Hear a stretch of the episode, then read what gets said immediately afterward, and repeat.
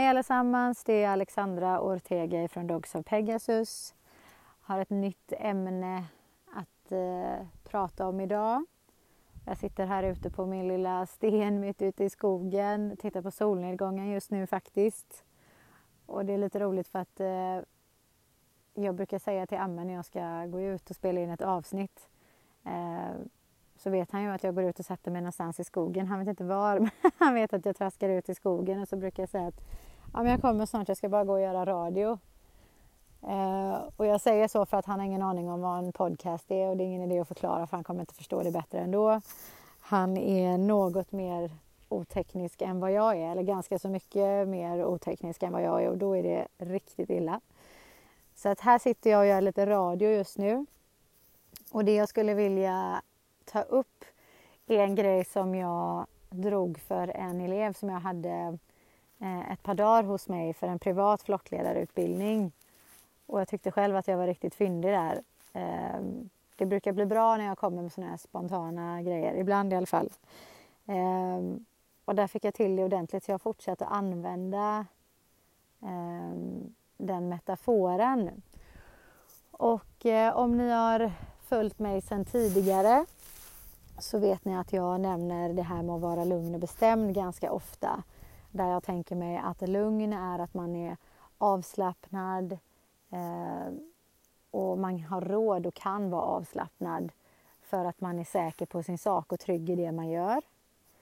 Eh, osäkerhet, nervositet, oro är sådana saker som rubbar lugnet eftersom du inte är säker på din sak och inte är trygg i det du gör.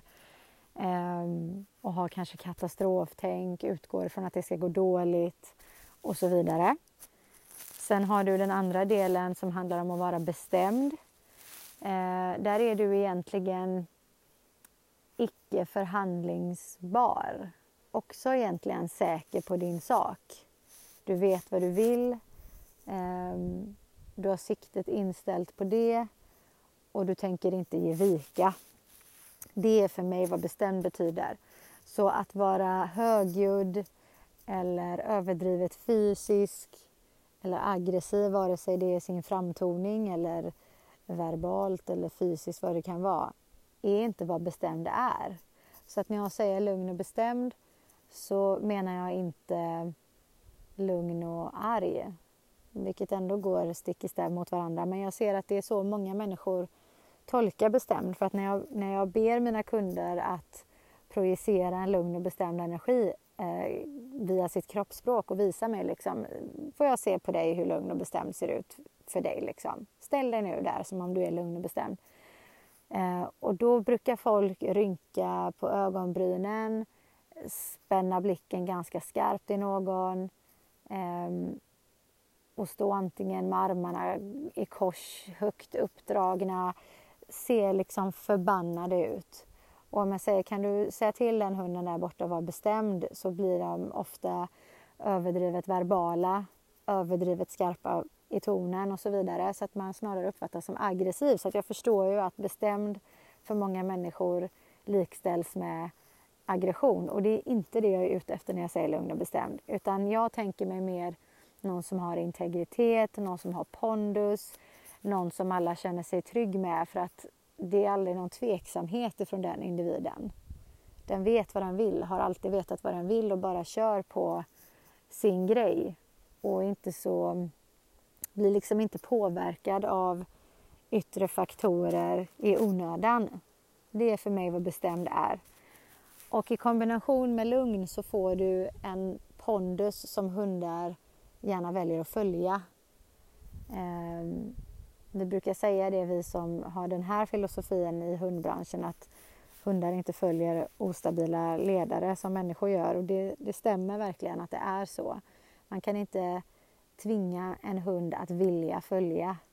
Du kan tvinga en hund att göra som du säger genom att presentera obehagliga konsekvenser annars, så att den inte vågar annat. Men det är inte samma sak som följsamhet.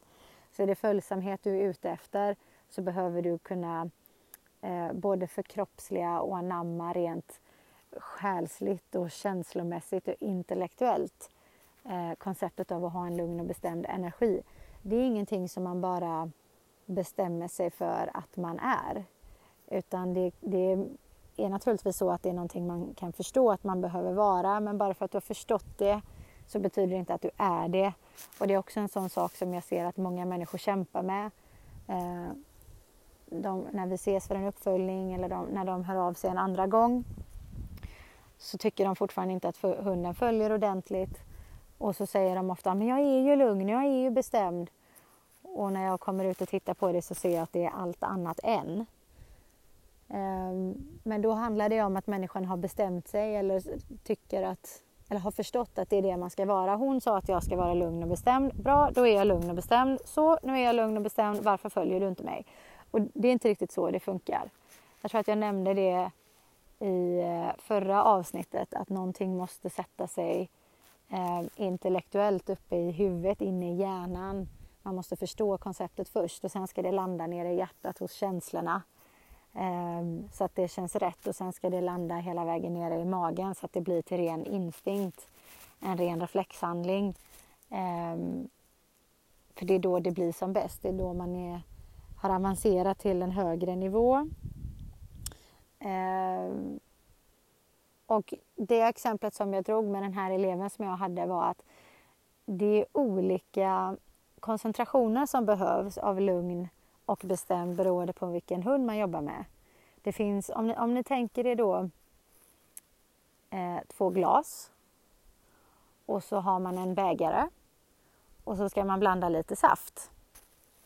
Ni vet ju hur det är, vissa människor gillar väldigt svag saft, andra människor gillar väldigt stark saft och en tredje grupp gillar något som de kallar för lagom som ingen riktigt förstår vad det är och så får man blanda sin egen jäkla saft för att få till den ordentligt. Men ni fattar vad jag menar. Eh, och det här med att hitta rätt nivå eller rätt koncentration av lugn och bestämd i sin bägare är lite som att blanda saft. Ibland får jag blanda till en starkare saft därför att det är en starkare hund och den kräver mer koncentration av bestämd än lugn. Och ibland får jag blanda en svagare saft därför att jag har att göra med en hund eh, med en mjukare energi som kräver mer lugn utstrålning från min sida än bestämd. Och det är inte alltid, det är klart ju mer erfarenhet man har desto bättre, precis som en bartender, blir man på att sätta den där saften i första försöket och bara blanda till den rätt direkt. Men tills man hamnar på den nivån och även när man är på den nivån så kommer man alltid att stöta på individer där det krävs lite blandning hit och dit. Eh, där du kanske blandar en saft som man tänkte var lagom och så visade det sig att den behövde bli lite starkare eller svagare. Då är det bara att blanda ut, späda ut eller fylla på mer. Och det är just den grejen som folk dels inte förstår men sen också är rädda för att göra när de väl förstår. Man är rädd att ta i för mycket.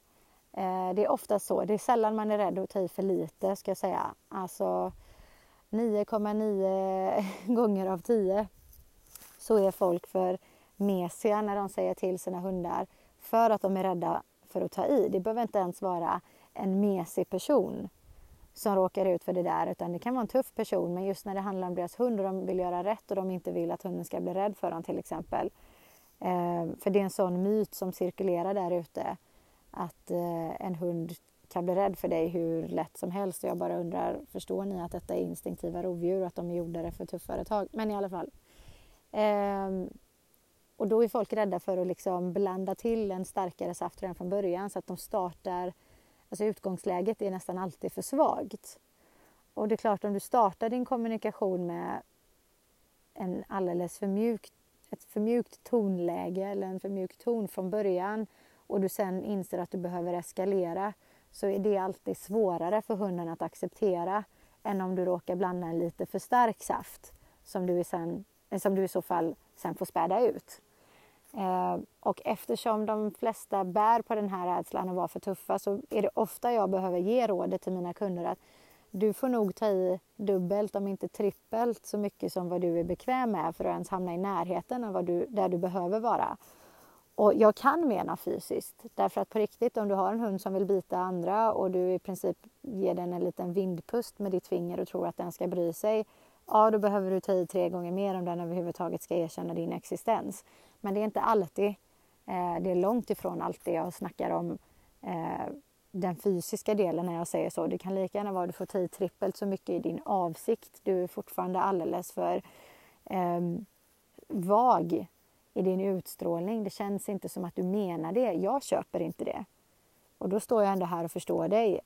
Um, så hunden köper det definitivt inte. Den har ingen aning om vad du är ute efter. Och om den, om den av någon anledning har förstått det ändå så kan du glömma att den köper läget för att du har en mycket svagare avsikt än vad hunden har.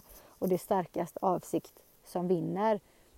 Alltså om, någon, om jag vill någonting till 20% och min hund vill något helt annat till 80% så kommer hunden att få sin vilja igenom. Så att jag, min avsikt behöver överstiga styrkan i hundens. Eh, så därför är det inte alltid eh, eh, ur ett fysiskt perspektiv, perspektiv jag menar när jag säger att man behöver intensifiera sig. Ehm, och det är intressant därför att du kan också ha samma hund som behöver en starkare saft, säger vi nu när ni förstår vad jag pratar om. Det här kommer att låta som ett väldigt märkligt samtal om man hoppar in lite för sent här nu. Men i alla fall, spolar man, spolar man förbi i början så kommer man undra varför hundtjejen helt plötsligt har börjat snacka om att blanda saft. Men i alla fall. Eh, jag kanske har en hund som har en stark energi, eh, som försöker eh, ignorera mig, nonchalera mig, vara respektlös mot mig, tar ingen hänsyn, försöker kanske dominera mig eller vad som helst. Och jag behöver plocka ner den här hunden och göra den lite mer eh, ödmjuk och mottaglig för eh, min information som är att så där får du inte lov att göra. Och det kommer inte fungera, men du kan göra så här istället så kommer det att fungera. Jag måste först göra hunden mottaglig för det och då kan jag blanda till en stark saft så att jag går in med en väldigt stark avsikt eh, och har en skarpare eller vassare energi. Men sen är ju jobbet gjort då. Då kanske jag droppar den här hunden från en högre intensitet till en lägre och då måste jag också anpassa min saft. Så då kan jag behöva hälla ut lite saft och fylla på med vatten så att jag späder ut eh, energin jag hade innan. Och det är en sån grej som till exempel jag har en hund i min egen flock som heter Korea som är en mastiff. Numera är hon en gammal dam, men det har hon ju inte alltid varit. Och när jag fick henne var hon jätterädd för eh, människor överlag, både män och kvinnor. Jag tror inte att hon har blivit illa behandlad förut. Jag tror att hon inte har blivit behandlad alls. Eh, hon kommer från Spanien och den typen av hund Ehm, lever ofta ute på öppna fält och antingen vaktar boskap eller någon eh, kolonilott eller så. De har dem kedjade eller lösa på öppna fält och där liksom, människor har inte med den typen av hund att göra ofta. Så de blir inte socialiserade och därför lite sådär halvförvildade. Så att Korea kom till mig och var, ville inte ha med mig att göra alls. Och hon ingick i en grupp om tio hundar som kom till mig samtidigt. Och jag valde att behålla henne, Faro och Sylvester ifrån den här gruppen med tio hundar direkt. Och Sylvester hade också problem, Faro hade också problem och Korea hade problem. Så att jag kände att eftersom ni ska stanna livet ut och de sju andra inte ska det och de ska förberedas för adoption så börjar jag eh, och få ordning på dem först och sen när de har flyttat ut och jag är klar med dem, då kan jag ta tag i era grejer på riktigt. Jag gjorde naturligtvis det som ändå ingår i vardagsrutinen men ingen mer, ingen egentlig specifik träning vad det gällde att hon skulle vänja sig vid människor och sådär. Och de här andra sju hundarna som jag hade att jobba med eh, var yngre hundar och var liksom i trotsåldern och det var mycket trots och det var mycket sätta sig på tvären. Eh, det var mycket liksom eh, Eh, rangdrift igång där och ja, massa grejer. Så att jag fick ha en ganska stark saft med de här hundarna och eh, sätta dem på plats och visa dem vad jag ville och liksom eh, visa dem att mitt nej inte betyder ja, inte betyder kanske, utan det betyder faktiskt nej. Jag fick stå på mig, fullfölja många grejer som kräver en stark avsikt. Och typ åtta månader senare eller något sånt där så var alla de sju hundarna utflyttade och adopterade. Och då var det dags för mig att, att vända mig till Korea och börja ta tag i hennes specifika träning. Och då får ni tänka på att under de här åtta månaderna har jag matat henne varje dag, gått ut med henne varje dag, promenerat, strukturerat, levt i flocken. Naturligtvis har jag klappat henne och haft att göra med henne någon gång, inte för att hon tyckte det var så trevligt, men jag har ändå gjort lite sådana grejer. klippt klorna, all hantering och så vidare. Så när jag då riktar mitt fokus mot henne åtta månader senare med avsikten att så, nu, nu kan vi börja. Och nu lär det vara tio nivåer enklare eftersom vi känner varandra nu efter åtta månader. Och inser att herregud, hunden är lika rädd för mig nu som hon var när hon kom. Nästan ett år senare är det inte mycket som har hänt. Och då blir jag först irriterad och bara känner att men vad är det med dig? Du, du vet ju att jag ger dig mat, du vet ju att jag är snäll mot dig, du vet att jag, jag liksom skulle aldrig skada dig. Vad är det du inte förstår? Hur kan du fortfarande vara rädd för mig? Liksom hon verkligen så kastade sig bak när man kom och det var alltid jobbigt att få på henne kopplet och gå ut och få in henne i huset efter att ha varit på tomten. Allting var liksom besvär för hon ville inte komma i närheten av henne verkligen. Ehm, och rygga tillbaka när man skulle röra henne och sådär. Fortfarande efter åtta månader. Åtta månader är en väldigt lång tid för en hund. Eh, jag vet att det finns väldigt många som har hundar som har varit rädda för människor tidigare. Många hundar från shelter, väldigt många hundar från Rumänien till exempel. Alla ställen där hundar har levt som tvättäkta gatuhundar från början som inte är eh, socialiserade med människor är ofta rädda för människor. Därför att de har lärt sig att klara sig utan dem och de tycker att det har funkat hittills och ser inget syfte med att umgås med människan. Jag vet Därför att jag får ofta höra, jag har ofta kunder som har sådana hundar där de har haft, de har haft i fyra år och hunden är fortfarande rädd och jag ska säga att det är inte normalt. Jag vet att väldigt många tror att det är normal kurva att ens hund fortfarande är rädd för en ett år senare. Um, för att den kanske var eh, liksom förvildad innan. Men det är det faktiskt inte. Ett år är jättelång tid för en hund. Och så då även åtta månader. Så att jag blev irriterad och frustrerad och tänkte vad ska jag behöva göra för att du ska förstå att jag är snäll och att, att du inte behöver vara rädd för mig. Men så funderade jag lite, vad är det som har hänt de här åtta månaderna? Varför har vi inte kommit längre? Och insåg ganska snart att jag har ju haft en väldigt stark saft hela tiden. Och Korea är en mjuk hund. Hon är en svag safthund. Ehm, så att hela den uppfattningen hon hade fått ifrån mig var att den här tjejen eh, klickar jag inte med för att hon är alldeles för stark. Och även om jag inte uppfattade som burdus av de andra hundarna som krävde en starkare saft så gjorde jag det av henne. Och därför kunde hon inte ta sig till mig riktigt. Ehm, och när jag insåg det, när den här glödlampan gick upp och poletten trillade ner, då blandade jag en mjukare saft helt enkelt. Ehm, och jag var verkligen tvungen att tänka på det därför att jag själv, det är lite som man har hört skådespelare berätta att de går in så mycket i en roll så att ibland kan det vara svårt för deras familj att känna igen dem för att de kommer hem efter en, en fem månader lång filminspelning där de har spelat en viss roll och har inte släppt den riktigt så att de känns annorlunda även för familjen. Så där. Det tar tid att släppa en roll du har levt dig in i och jag kände att jag hade levt mig in för jag hade levt med de här hundarna dygnet runt under så lång tid och hade verkligen gått in för detta så att jag hade svårt att skaka av mig den energin. Så det var inte så att jag bara slängde ut den saften och blandade ny med en gång utan jag var tvungen att inse vad som var fel. Det gick säkert någon vecka eller så för mig att bara varva ner, andas annorlunda, röra mig annorlunda, gå i ett annat tempo, bemöta henne på ett annat sätt och verkligen komma in i det på ett övertygande vis innan hon kunde köpa att okej, okay, men nu kan jag tänka mig att du och jag kan funka ihop. Um, och det är ett av de här konkreta exemplen som jag har haft i min hundkarriär där det är så tydligt att energi är allt egentligen. Det är verkligen allt. Jag ser människor komma undan med rätt så klumpiga tekniker bara för att deras energi sitter rätt.